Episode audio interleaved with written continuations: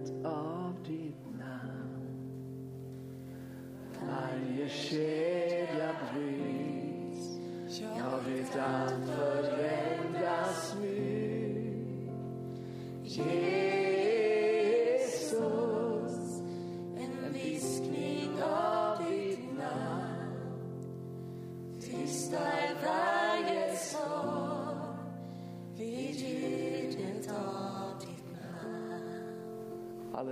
Jesus, vi proklamerar ditt namn som Bibeln lär oss är namnet över alla andra namn. Och vi proklamerar det Herre över varandra den här dagen, över våra familjer, över församlingen, över stan, över vårt land, här över vår värld. Vi tackar dig Jesus att du har vunnit en evig seger, att du sitter på segerens tron. Du sitter högt över alla makter och härskare och välden och allt som kan nämnas både i den här tiden och i den tid som ligger framför. Vi tackar dig Jesus Kristus att vi får tillhöra dig. Tack att du har köpt oss, tack att betalning är given. Tack för ditt dyrbara blod Jesus som har friköpt oss. Vi tackar dig att livets andeslag i Kristus Jesus har friköpt oss från syndens och dödens lag. Tack Herre att detta ska få manifestera sig den här dagen. Tack att vi ska se Herre det vi inte har sett. Tack att vi ska förstå mer än vad vi har förstått tidigare. Därför att ditt ord upplyser våra hjärtan. Din helige ande påminner oss och uppenbarar allt vad som är sagt. Vi tackar dig för det i Jesu namn. Amen. Amen. Ge någon en stor kram och så får du sätta dig ner en stund.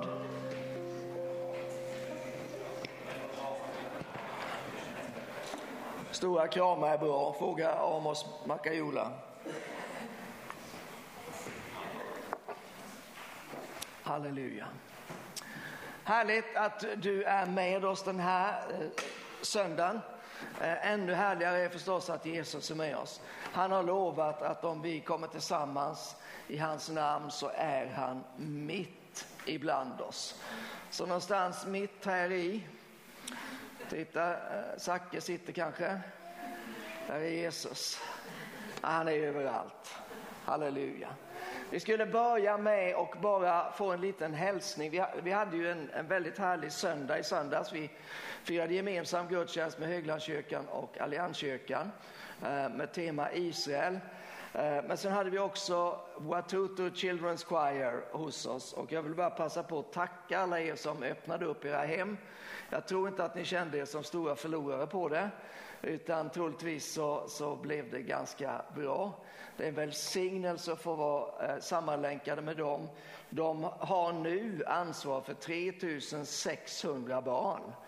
Ehm, och tar hand om dem, i, en del ifrån vaggan och till till de har eh, utbildat sig. Jag höll på att vagga till graven, men så är det inte.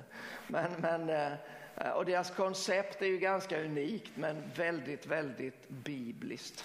Och eh, vi hade en, en, fantastisk konsert, men jag måste säga det som berörde mig allra mest, det var att bara vara tillsammans med dem och se Jesus i dem, i, i barnen, eh, i ledarna, i varenda en faktiskt utav dem. Men eh, Felix har förberett en liten hälsning här så vi ska, vi ska kolla på den nu. Så ta emot dem. Hello, everyone. We had such an amazing time with you. Thank you so much for welcoming us into your hearts. It's because of your love and support that Watoto is transforming so many lives here in Africa. So, from all of us, thank you. We love you. Bye. Kort och gott. Och vi älskar dem. Och, um, nu kommer de till Sverige redan i maj här som det verkar. Vi får väl se om vi ska våga oss på en favorit i repris. Det får vi återkomma till. Eh, den här dagen så blev det jag som predikar, beroende på, på det är sjukt med all sjukdom, visst är det det? Amen, och vi har redan bett här eh, och jag känner att jag skulle vilja be en gång till eh, och bara så att säga proklamera ut det faktum att vi Även om vi blir nedslagna av sjukdom, även om vi blir plågade på olika sätt, så finns det på ett plan i våra liv, vi accepterar inte det. Det är, det är inte det slutgiltiga, det är inte det att vi, vi böjer oss och så säger okej, okay, vi får väl ta det då. Det finns ju andra saker som är värre. Nej, vi tror att det Jesus gjorde på korset, det ska bli en verklighet i våra liv. Det ska bli en verklighet i den här församlingen till alla delar. Och därför skulle jag bara vilja att vi ber för dem som är sjuka den här dagen eh, och vi bara reser oss upp emot sjukdom och plåga i Jesu namn. Det känns, det, känns det relevant? Jag är motiverad i alla fall. Eh, eh, sitt eller stå eller ligg, men var med i bönen.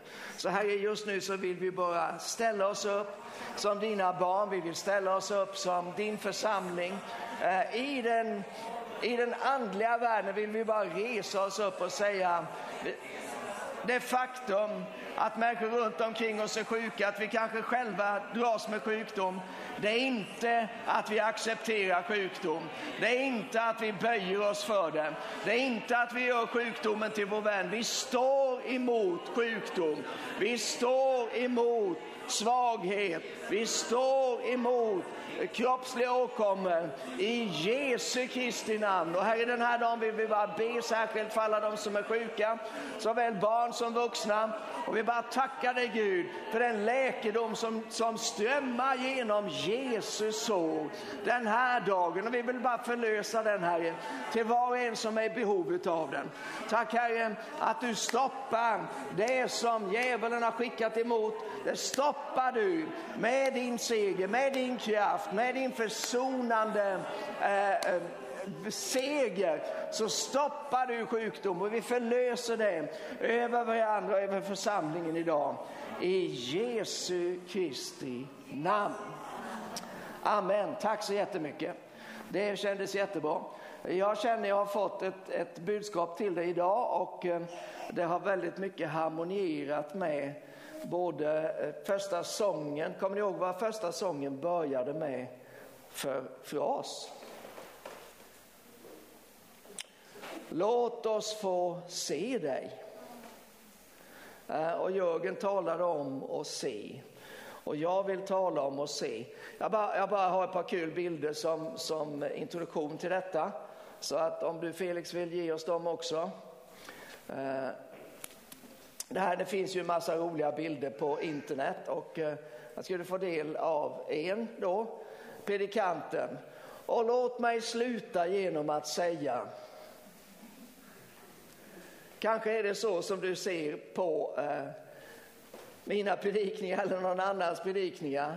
Det är en massa ord men det är omöjligt att få tag på vad det är för någonting. Och sen har vi förstås nästa bild där med. Det här är en bild som visar eh, en asteroidkrater, alltså en, vad heter det? Jo, asteroid heter det. Krater i Arizona. Titta hur nära det var att den träffade besökscentret. Alltså, får du tag på detta? Man kan, man kan ju förstås se det så. Tänk vilket Guds under att den inte skadade besökscentret. Eller också så kan man förstå det som att den där slog ner för rätt länge sedan och nu för att folk ska komma och titta på den så har de, besökt ett, ett, eh, så har de byggt ett besökscenter. Allt detta, tack det blir bra så du får ta ner den igen så att inte vi stirrar oss blinda på den där kratern. Eh, allt detta bara för att illustrera att det här med att se, man tänker ju att ja, men har man sett någonting då vet man hur det är. Men eh, det finns ju lite olika uttryck. För, och, och för, förresten så finns det ju så här, jag var åsyna vittne. När man vittnar om någonting, kanske till och med i en rättegång under ed, då är det utifrån jag såg att det var på det här sättet. Och samtidigt så finns det ett uttryck som säger att, att eh, eh, sanningen är det väl, eller vad är det, verkligheten, den finns i betraktarens öga. Det vill säga man kan se olika saker utifrån varifrån man står någonstans, om man är nära eller långt borta, eh, om, man, eh, om det är ljust eller mörkt och, och, så vidare och så vidare. Och eh, det som jag vill peka på idag det är betydelsen att se på Jesus och då vill jag dela, börja med att dela några verser från Johannes kapitel 12. Så du får gärna eh, slå upp den här eh, bibelstället. Vi hade upptakt nu i veckan för konfa. Det kommer att vara 12 stycken som går på konfa eh, och vi är jätteglada för det. Vi uppmuntrade dem att ta med sig sin bibel till konfirmationen och de tyckte ja men jag har den i mobilen. Ja det är ju jättebra men tänk att ha den i handen. Eh, nu är det ingen fördömelse till dig om du har den i mobilen idag. Men det är ju, det är ju bra. Jag, jag tänker på när, när det begav sig på 80 och 90-talet så var det ju lika, lika angeläget som att man hade skor på fötterna så var det att man hade Bibeln i handen när man gick i kyrkan. Och det stod ändå för någonting. Det, det, det påvisade att ja, men vi tycker det här är viktigt, vi har, vi har förstått någonting. Vi har förstått att Guds ord, det är speciellt och vi behöver det. Och vi vill ha det med oss i livets alla förhållanden. Så här står det i Johannes det 12 kapitlet från vers 20. Bland dem som hade kommit upp för att tillbe vid högtiden fanns några greker. De kom nu till Filippus som var från Betsaida i Galileen och bad honom. Herre, vi vill se Jesus. Filippus gick och talade om det för Andreas och Andreas och Filippus gick och berättade det för Jesus.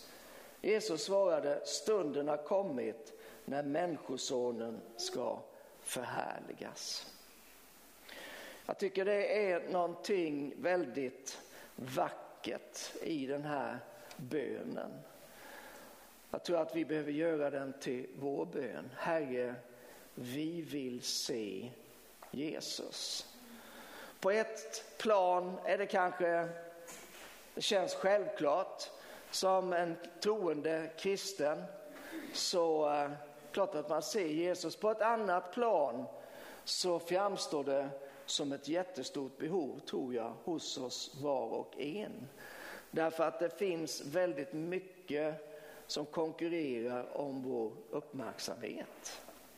Men det finns ingenting som är viktigare än att vi får se Jesus.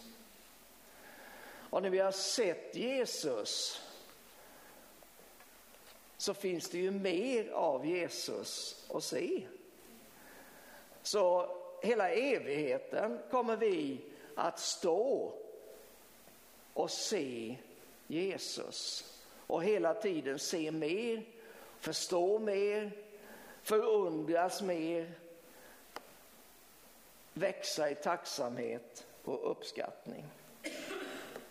Men jag tänker också att det måste ha betytt någonting den här händelsen eftersom de kom till Filippus och Filippus han kände det här, det här måste vi göra någonting åt. Så han går och pratar med Andreas och Andreas känner samma sak så de säger vi måste gå och tala med Jesus. Och när Jesus får höra det här så säger han stunden har kommit när människosonen ska förhärligas. Så, så det, finns en, det finns en slags slutstation för det här, den här längtan som grekerna har. Och det är att Jesus blir förhärligad. Jag vet inte om Jesus på något vis hade upplevt i sitt hjärta att, att eh, ja, han visste att det var nära, han visste att nu ska det hända, eh, nu ska, nu ska jag snart gå till korset. Men kanske var det liksom en cue ifrån himlen att när det kommer greker, det vill säga icke-judar, när det kommer greker och vill se dig, då börjar det. Men jag tror att när helst det finns den här längtan, den här bönen hos oss, Herre, vi vill se Jesus. Då finns också förutsättningarna för att Jesus ska bli förhärligad. Och det längtar vi efter, eller hur? Vi längtar efter att få se Jesus förhärligad. Vi längtar efter att Jesus ska ta över i våra liv, ta över i församlingen, ta över var vi än är någonstans så ska Jesus ta över. För när Jesus gick på den här jorden så tog han ju över, eller hur? Folk samlades för att de ville se honom. demonerna bävade så fort de såg honom.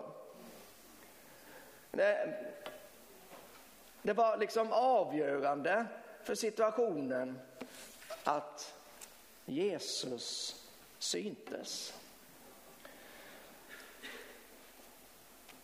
När eh, Johannes döparen hade sin väckelsekampanj ute i öknen så en dag så kommer Jesus och går. Och då känner Johannes direkt behovet av att peka ut honom. Han säger se Guds lamm som tar bort världens synd. Det är en av anledningarna till att man behöver få syn på Jesus. För att det är bara han som kan ta bort synden. Eh, ingen annan kan göra det. Man kan inte själv göra det. Ingen förmår att frälsa sig själv, vilket är det bibliska begreppet för att bli fri från sin synd. Inte heller kan man frälsa någon annan. Bara Jesus kan göra det. Och därför är det så betydelsefullt att människor får se honom. Vi är här på den här jorden för att Jesus ska bli synlig. Du är här för att Jesus ska bli synlig. Eh, jag läste ifrån första Johannes brev också. Johannes var ju, tycker jag, särskilt fokuserad på detta med Jesus och att se honom. Ehm, det är han som skriver om att Jesus gjorde bara vad han såg Fadern göra, eller hur? Ehm, han skriver det i femte, femte kapitlet i evangeliet. Men sen när han skriver sitt brev då, då, då, då, lägger han ut texten riktigt ordentligt och så säger han så här, det är från första kapitlet, första versen. Det som var från begynnelsen, det vi har hört, det vi med egna ögon har sett, det vi har skådat och rört vid med våra händer, om detta vittnar vi, livets ord. Livet har uppenbarats, vi har sett det och vittnar om det och förkunnar för er det eviga livet som var hos Fadern och uppenbarades för oss. Det vi har sett och hört förkunnar vi för er för att också ni ska ha gemenskap med oss. Och vår gemenskap är med Fadern och hans son Jesus Kristus. Detta skriver vi för att vår glädje ska bli fullkomlig. Så vår förkunnelse, vi skulle ju kunna förkunna många olika saker. Det finns mycket i den här världen som är gott, som är bra, som är, är, är rent och, och rätt. Och, ja, du förstår, men vår förkunnelse den behöver vara centrerad kring Jesus. Och då måste vi ha sett honom. Till och med tror jag vi måste lägga det i presens, vi måste se honom. Jesus såg Fadern, han såg Fadern gå före och göra saker och Jesus följde efter och så gjorde han samma saker. Men det är ju ändå så att det är mycket som vill ta din och min uppmärksamhet. När Gud kallar Jeremia att bli hans språkrör så upplever Jeremia sig inte som skickad för detta. Eh, och det är ganska genomgående för de som nås av Guds kallelse. Att man säger, inte, inte ska väl jag. Nej, jag, nej, jag kan inte. Tänk på Mose till exempel. Tänk på Gideon. Det finns många exempel på detta. Och Jeremia, han är, han är samma, på samma sätt. Han kan inte tala, han är för ung och han, han är liksom helt körd. Men, men Gud säger, det beror ju ändå inte på dig. Och det säger han till dig och mig också. Men sen är det nästan som om Gud vill pröva Jeremia lite grann. Eller kanske att han låter Jeremia få pröva lite grann, få träna lite grann. Och så ställer han två gånger en fråga till Jeremia och säger Jeremia, vad ser du? Jag tror att Gud, Gud skulle önska att vi själva, att vi ställer den frågan till oss själva. Vad ser jag? För det jag ser, det blir högst troligt det som jag inte bara uppmärksammar, utan det blir det som jag tar med mig, det som jag sätter min tilltro till eller kanske beroende på vad det är försöker fly ifrån. Det som kommer att på ett eller annat sätt prägla mitt liv, det är det som jag ser. Och därför så är frågan, vad ser du och jag? Det vi behöver se, det är att se Jesus. Och jag vill bara ta dig med till några, några händelser i Bibeln som, som på olika sätt anknyter till detta. Eh, du, vet ju att Jesus sa till Nikodemus när, när de träffades en natt, så sa han att ehm, för att se Guds rike så måste någonting ske. Du måste bli född på nytt för att kunna se Guds rike. Så att själva grundförutsättningen för att se, se det som inte syns med de fysiska ögonen, det är att bli född på nytt. Och jag tror att du som lyssnar, i allra flesta fall här idag, så är du född på nytt. Det betyder att du har blivit begåvad med en förmåga att kunna se det som inte syns med de fysiska ögonen. Så där är själva grunden. Det är inte så att nej men, ja, jag har inte detta, jag kan inte detta. Jo, vi kan alla detta, men det är inte säkert att vi utnyttjar oss av det. Det är inte säkert att vi, vi har förstått hur det funkar och så vidare. Men grunden för det, det ligger i den nya skapelsen. Vi har blivit födda på nytt. Och när vi blev födda på nytt, ja då hade vi en uppsättning med andliga begåvningar som gör att vi kan se Gud. Vi kan följa honom. Vi kan höra från honom. Eh, men det behövs också att vi har en längtan efter detta. Kommer du ihåg lille Sackeus? Lille Sackeus, han ville se Jesus. Men det var svårt. Och det kan vi tycka ibland med. Vi kan tycka att det är svårt, jag skulle vilja se Jesus. Vad är Jesus i alltihop detta? Vad är Jesus i Sverige? Jag vill ju se honom. Det är så mycket som skymmer. Så var det för Sackeus. Han, nej, han kunde inte se Jesus. Men han hade en lösning. Han förstod om jag bara kommer högre upp om jag kan höja mig lite över omständigheterna så kan jag också se Jesus. Så hans längtan, hans, hans eh, önskan att få se Jesus, den drev honom till att förändra sin position. Han, han stod bakom det, han, han var inte önskad bland folk, han kanske fick stå på lite avstånd. Eh, det skulle kanske vara så att de hade bara knuffat undan honom eller spottat på honom eller hånat honom. Men, så han kan redan vara på lite distans. Men han lät sig inte stoppas av det, utan han bara, han bara fick en idé. Kanske var det en gudaidé till och med. Han bara kände, om jag bara kommer högre upp så kan jag se Jesus. Och det ligger, tror jag, någonting för oss alla i detta, att om vi kommer lite högre upp så kan vi se Jesus. Ja men det är väl lite ovärdigt, ska jag gamla människa börja klättra i träd? Nej, det är inte säkert att du behöver klättra i träd, men det, det kostar nog på lite grann. Eh, om inte du ser Jesus nu, men du har en önskan, en längtan efter att få se honom, då finns det, kan hända, ett litet pris att betala, men det priset är så värt det om du bara kan få syn på Jesus. Ett uttryck som återkommer ganska ofta i Bibeln det är uttrycket att lyfta blicken.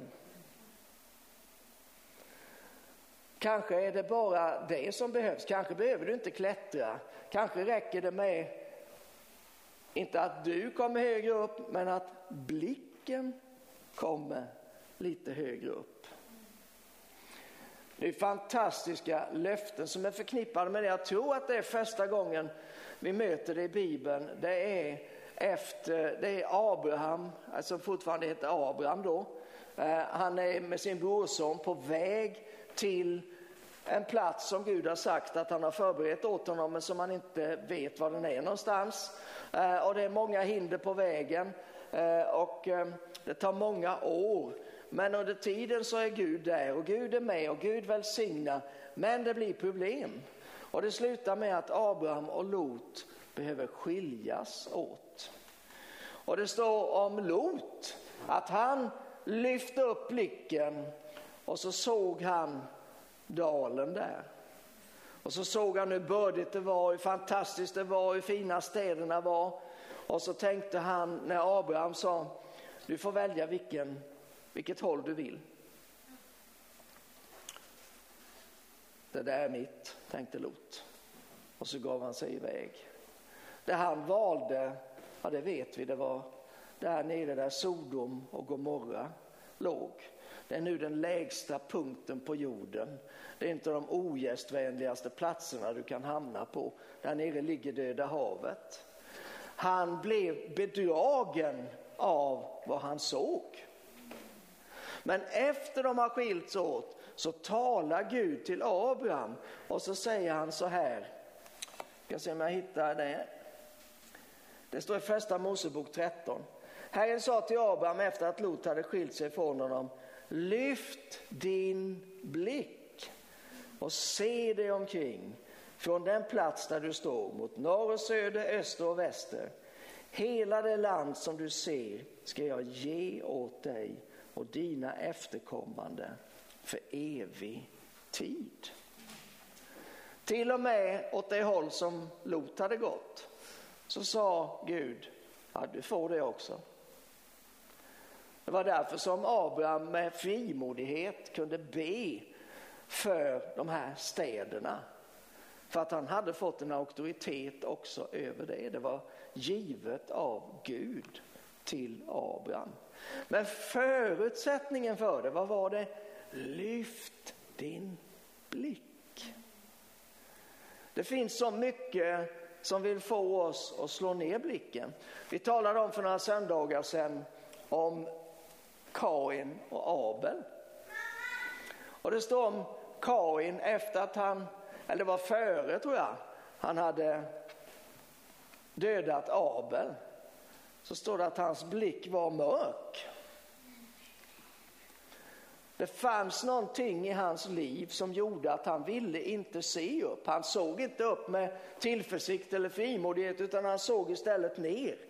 Därför att någonting hade smugit sig in där som inte borde vara där och som ställde till det.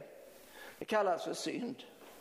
Men det är inte bara det som kan få oss att sänka blicken. Det är så mycket som djupast sett är sänt från vår fiende för att få oss att bara titta ner, kanske bara titta på oss själva.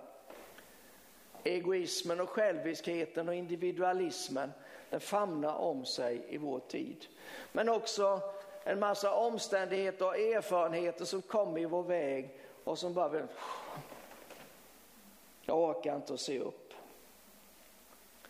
Så därför är det så relevant med Guds uppmaning till oss. Lyft din blick. Lyft din blick. Det är där du kan se Gud.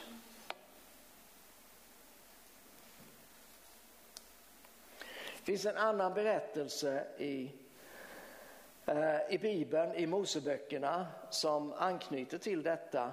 Och det är berättelsen, ni, ni kan eh, storyn vet jag. Eh, Israels barn är fångna slavar i Egypten och eh, eh, över 400 år. Och så sänder Gud Mose, det mest osannolika egentligen, att befria dem. Och de kommer ut, de går genom Röda havet, de är på väg till det land som Gud hade lovat dem. En resa kanske på några månader. Men den här resan drar ut på tiden och folket börjar klaga. Varför börjar de klaga? Varför blir det så lång tid i i, i, öknen. De tappar blicken på målet. Gud har ju talat till, redan till förfäderna, han har förnyat sitt löfte gång på gång. Och de vet om det, de har hört det, de är uppväxta med de här löftena. Men ändå så tappar de liksom blicken på det. Och så börjar de klaga och så börjar de knota. Och första korintierbrevet talar om att det var tio gånger, tror jag det var, som de bara totalt failade under den där vandringen. En av gångerna så deras ovilja att se på Gud, de hade ju ändå Gud manifesterad för sina ögon i form av en molnstod och en eldstod. Men ändå så fann de saker som de kunde klaga på och som inte var bra. Och som ett resultat av detta så kommer giftiga ormar in i lägret och inte bara en eller två, troligtvis tusentals och börjar bita människor och människor blir sjuka och människor dör. Och då förstår de, nu har vi gjort ordentligt fel. Och de går till Mose och de säger till Mose, Mose du måste bara be till Gud för oss, det här slutar illa annars. Och då kan man läsa i fjärde Mosebok kapitel 21 och vers 8. Herren sa till Mose, gör dig en orm och sätt upp den på en påle. Den som har blivit ormbiten och ser på den ska leva. Mose gjorde då en kopparorm och satte upp den på en påle. Om någon blev biten av en orm fäste han blicken på kopparormen och fick leva. De behövde se på medicinen. De behövde få syn på detta. Det var, en, det var en udda medicin, absolut, men den funkade. Så är det med mediciner, det kan kännas, ah, det där vet jag inte. Ah, men om det är Guds medicin så funkar den alltid. Jesus, eh, i samma samtal med Nikodemus så pekar han ju tillbaka på den där händelsen och han säger Mose höjde upp ormen i öknen. Människor såg på den, de blev befriade, de blev helade, de fick en framtid. Nu kommer Människosonen på samma sätt att bli upphöjd. Det är samma princip. Vi behöver se på, vi behöver fästa vår blick på Jesus Kristus så att vi får läkedom och befrielse och en framtid. Men det är frågan om vad vi ser.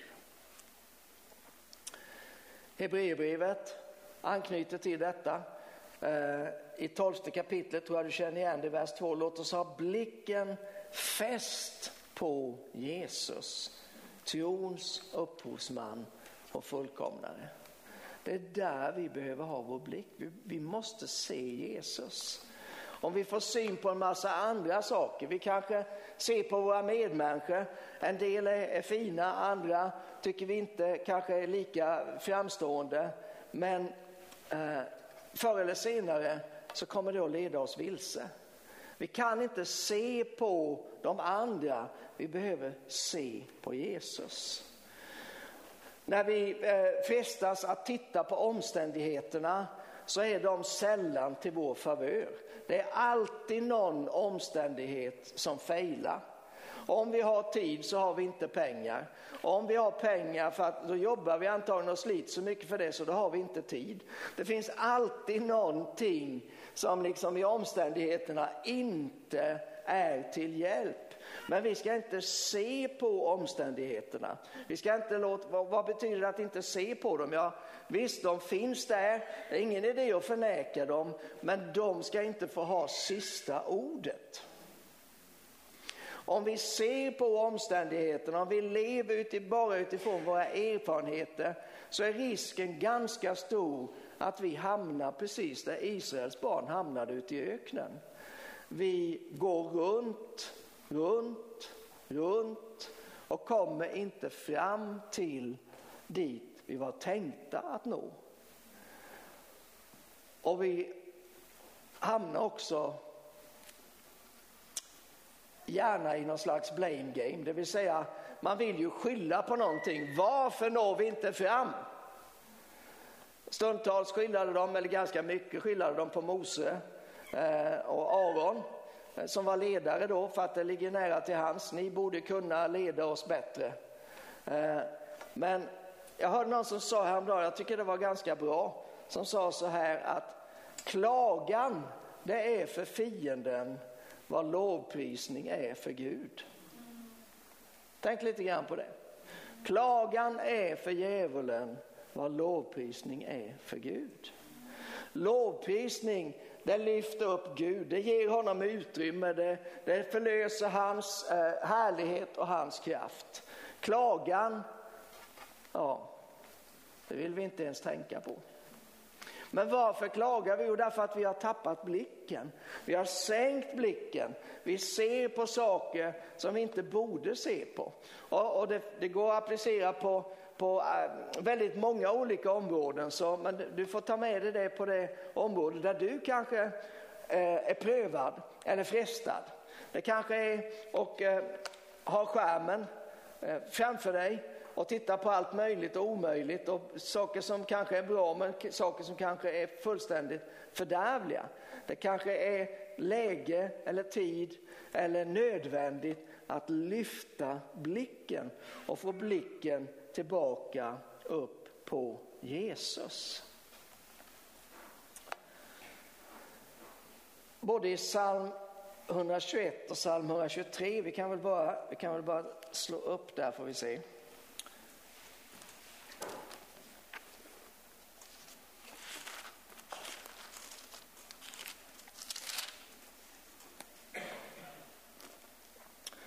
så talas det om att lyfta blicken.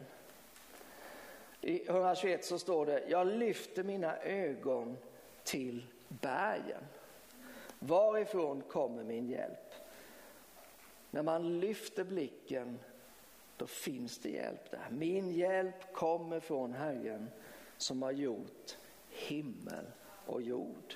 Och psalm 123 så är det ett liknande tema. Jag lyfter mina ögon till dig du som tronar i himlen, som tjänarnas ögon ser till sin herres hand, som tjänarinnans ögon ser till sin husfrus hand, så se våra ögon till Herren, vår Gud, tills dess han förbarmar sig över oss. Att, som vi sjunger i den här sången, fäst dina ögon på Jesus. Det är så viktigt så betydelsefullt. Inte minst i den här tiden. Och varför just i den här tiden? Jo, därför att det är den här tiden vi lever. Det är därför det är så viktigt i den här tiden att vi fäster våra ögon på Jesus. Eh, några saker till vill jag säga innan vi ska be tillsammans. Eh, Det är, ju ett, det är ju en utmaning just detta att vi ska se någonting som inte syns. Till exempel står det så här i andra Korintierbrevet 4, vi ska titta på några verser där, men om vi börjar i slutet, vers 18, så står det så här, vi riktar inte blicken mot det synliga, utan mot det osynliga. Det synliga är förgängligt, men det osynliga är evigt. Vi riktar inte blicken. Det är där det börjar. Man kan säga, ja, men man kan inte se det som inte syns. Ja, men om du börjar med att lyfta blicken och du börjar med att rikta blicken så ökar drastiskt förutsättningarna för att du faktiskt ska se. För kom ihåg, som en Guds barn, som någon som, människa som har blivit född på nytt av Guds ande, så har du fått ett andligt seende. Du kan till och med se mörkret. Det är vi inte så bra på det, mörkerse och det blir inte bättre med åren. En del av oss har märkt det. Det gick lite lättare förr men nu är det, när det är skumt så är det skumt. Men i andlig bemärkelse så har vi ett mörkerseende, det vill säga vi kan se, även om det är mörkt runt omkring oss, så kan vi se i alla fall. Men vi behöver lyfta blicken och vi behöver rikta blicken. Men om man ser i detta kapitel då, eh, Andra Korinthierbrevet 4, så tror jag att du, du är bekant med, med innehållet där. Vi ska bara se på någon vers i början på kapitlet med. Det står så här i vers 3, kapitel 4, andra kor. Om vårt evangelium är dolt så är det dolt för dem som går förlorade. Den här världens Gud har förblindat de otroende sinnen så att de inte ser ljuset som strålar från evangeliet om Kristi härlighet, han som är Guds avbild. Den här versen, eller verserna beskriver situationen för dem som inte har Jesus. Så att det som står här, det skulle vi kunna vända på och säga för den som har Jesus, vad gäller då? Jo, men då finns ju evangeliet om Kristi härlighet. Då finns ljuset som strålar ut ifrån det. Då finns det, då vi är ju troende. De troende sinnen ser ljuset som strålar ut från evangeliet om Kristi härlighet. Vi följer inte, vi tillhör inte den här världens Gud. Vi är inte, vi behöver inte vara förblindade. Men det är klart, låter vi den här världens Gud ha fritt in, intåg in i våra liv? Eh, är det det som den här världen håller på med, den här tidsåldern, den här tidsandan som präglar oss? Ja, men då blir det förstås svårt att se Jesus. Men Gud vill att vi ska se Jesus. Och om vi vill se Jesus så kan vi genom att lyfta blicken få syn på honom. Jag tänker eh, tre saker avslutningsvis när det gäller att se. Att det, har, det viktigaste, det är ju det vi har talat om nu faktiskt hela predikan här. Det är ju att se Jesus. Allting blir liksom annorlunda när man ser Jesus än om man inte ser Jesus. Att gå till jobbet, det blir annorlunda om man ser Jesus. Om man ser Jesus så förstår man, han har ett, förlåt, han har ett syfte med mitt liv. Jag är inte här av en händelse. Gud har kallat mig, han har ställt mig här att vara ett ljus, att vara ett salt, att ha en påverkan, att, att peka på honom. Men om man inte ser Jesus, ja då blir det ju ett levebröd, troligtvis för dåligt betalt. Då blir det vardagens eh, gråa, eh, sega, tråkiga utmaning att ta sig upp och, och oh, eh, bara det är bara tisdag, jag kommer aldrig att klara mig till fredag. Alltså det gör ju skillnad, men om du ser Jesus då finns det, en motiv, det finns någonting som motiverar, det finns någonting som, som driver dig på ett helt annat sätt. Eller i relationen med andra människor, om du, om du ser Jesus så kommer du också, det är det andra jag vill påpeka då, det första och det viktigaste är att se Jesus. Men om du ser Jesus då kommer du också se människor på ett annat sätt. Du kommer, du kommer att, att, att se dem som älskade av honom. Du kommer att se dem som värdefulla, du kommer att se dem som, som eh, värda att engagera sig för på ett eller annat sätt. Och för det tredje, när du ser Jesus då kommer det också att påverka hur du ser dig själv. Det finns nog ingen av oss som är här idag eller någon annanstans som inte åtminstone emellanåt ser ner på sig själv. Som tycker att jag borde vara bättre. Jag borde göra annorlunda. Man kanske kämpar med någonting. Lite som Paulus skriver i Romarbrevet 7. Jag arma människa. Det jag vill det gör jag inte, det jag inte vill det gör jag. Det, det, det, det, alltså, det anknyter tror jag till de flesta utav oss på ett eller annat plan. Man kan se sig själv som ganska, jag är en loser. Kanske har andra sagt det till dig eller kanske har du känslan av det. Jag är utanför. Jag håller på och, eh, och läser lite grann kring någonting som jag tycker är helt spännande. Ni vet det var, det var sju folk i löfteslandet som Gud sa till sitt folk att när ni kommer dit så behöver ni fördriva dem. De har uppfyllt sina synders mått så att de förtjänar inte att vara där. Och dessutom är det så att om ni inte fördriver dem, om inte ni gör slut på dem så kommer de att ha ett inflytande över er som inte är bra utan som kommer att dra er bort ifrån mig, vilket ju också till vissa delar hände. De här folken då, ni vet det är hetiter och periseer och kananéer och, och kirgasiter och vad de heter. De här folken, de var ju kända för olika saker. Det var olika saker, inflytande som fanns där och som påverkade. Och, och ett av de här folken, de, de bara de, de kännetecknades av en låg självkänsla. Och det är någonting som jag tror vi kan alla tänka på någon som verkar ha en otroligt stark självkänsla. Men sanningen är att vi, all, vi har bara olika sätt att försöka dölja vår dåliga självkänsla. En del drar sig undan, blir lite tysta, håller sig för sig själva, vill inte blotta sig för att på det sättet visa. Andra blir väldigt framåt och, och tar för sig och, och liksom märks och syns och hörs på alla, på alla sätt då. Men kan ändå brottas med precis samma sak.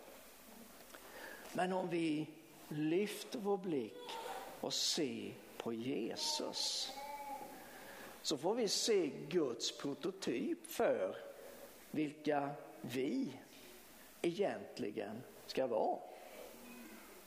Jesus är den förstfödde bland många bröder, eller vi skulle kunna säga många syskon. Han, vi ska växa upp, säger Efesierbrevet, till Kristi fullhet. Han är måttstocken. Och om vi ser honom och förstår att det är sån Gud vill att vi ska vara. Hur var Jesus? Ja, han var, han var lite grann som Fantomen skulle jag tycka. Eh, det är länge sedan jag läste Fantomen, men jag kommer ihåg de gamla djungelordspråken. Fantomen är hård mot de hårda. Men han var också väldigt hjälpsam. Han hade både dödskalleringen, men sen hade han sitt han hade dödskallringen på höger tror jag, sen hade han det goda märket på vänster där. Alltså det finns, Jesus var aldrig mjäkig. Jesus la inte fingrarna emellan när det fanns någonting som var orättfärdigt. Han såg igenom en massa snack och, och fromma fasader och ett sken av gudsfruktan. Men samtidigt så var han så barmhärtig, så full av nåd. Människor som kanske ingen annan ville ta i ens med tången. Jesus tog dem till sig.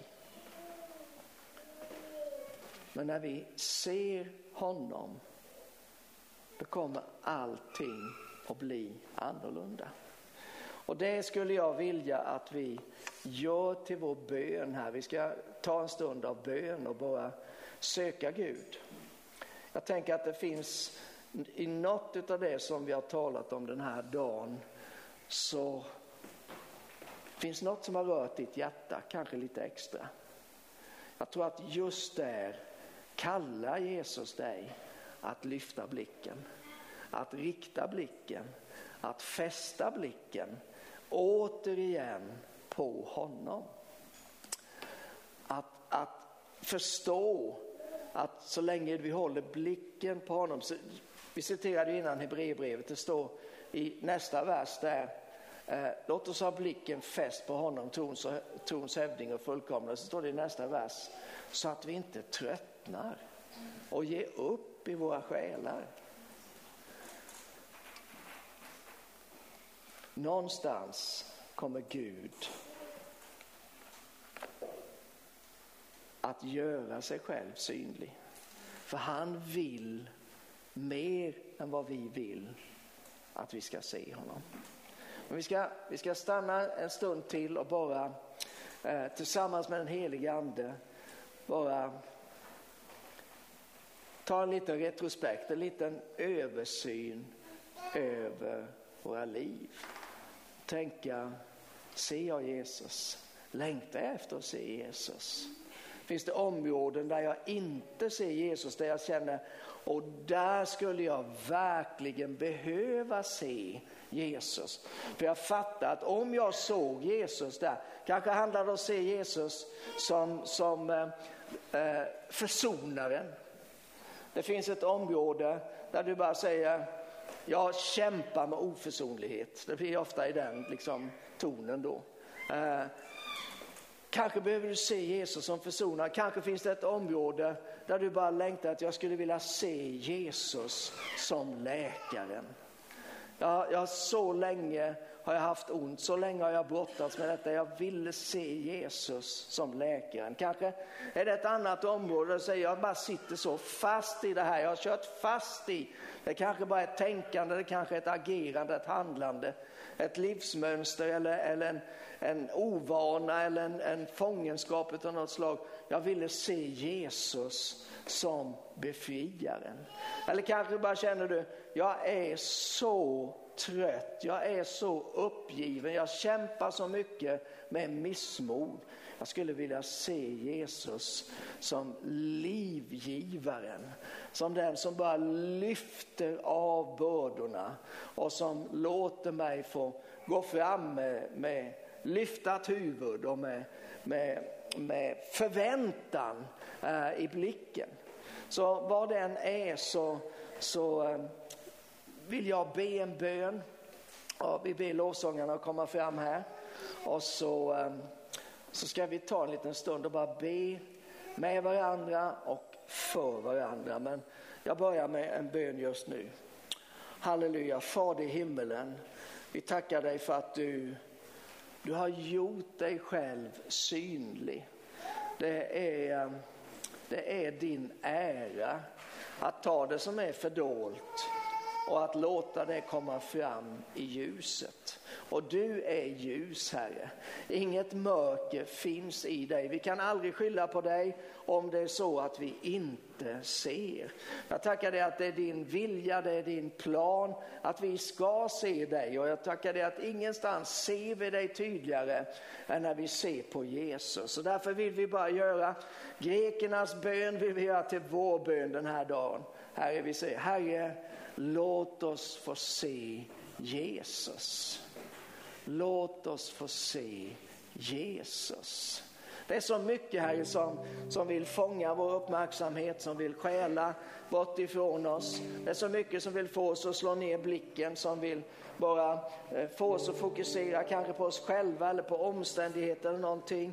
Men Herre, tack att vi den här dagen bara får lyfta blicken. Att vi får rikta blicken och att vi får fästa blicken återigen på Jesus Kristus. Jag ber för oss Herre, för var och en. Jag ber att var vi än är någonstans, att vi ska få se dig Jesus. Se dig på nytt igen. bara reconnecta, bara återupprätta förbindelsen mellan oss själva och dig. Herre, vi behöver se dig som läkare eller befriare eller försonare, livgivare, vad det än är, Herre. Att vi ska få göra det den här dagen. Helige Ande, du som är uppenbarelsens ande. Uppenbara Jesus för oss idag. Jag ber om det. Tack Jesus. Halleluja. Vi bara är inför Herren en liten stund och så kan vi sjunga någon sång.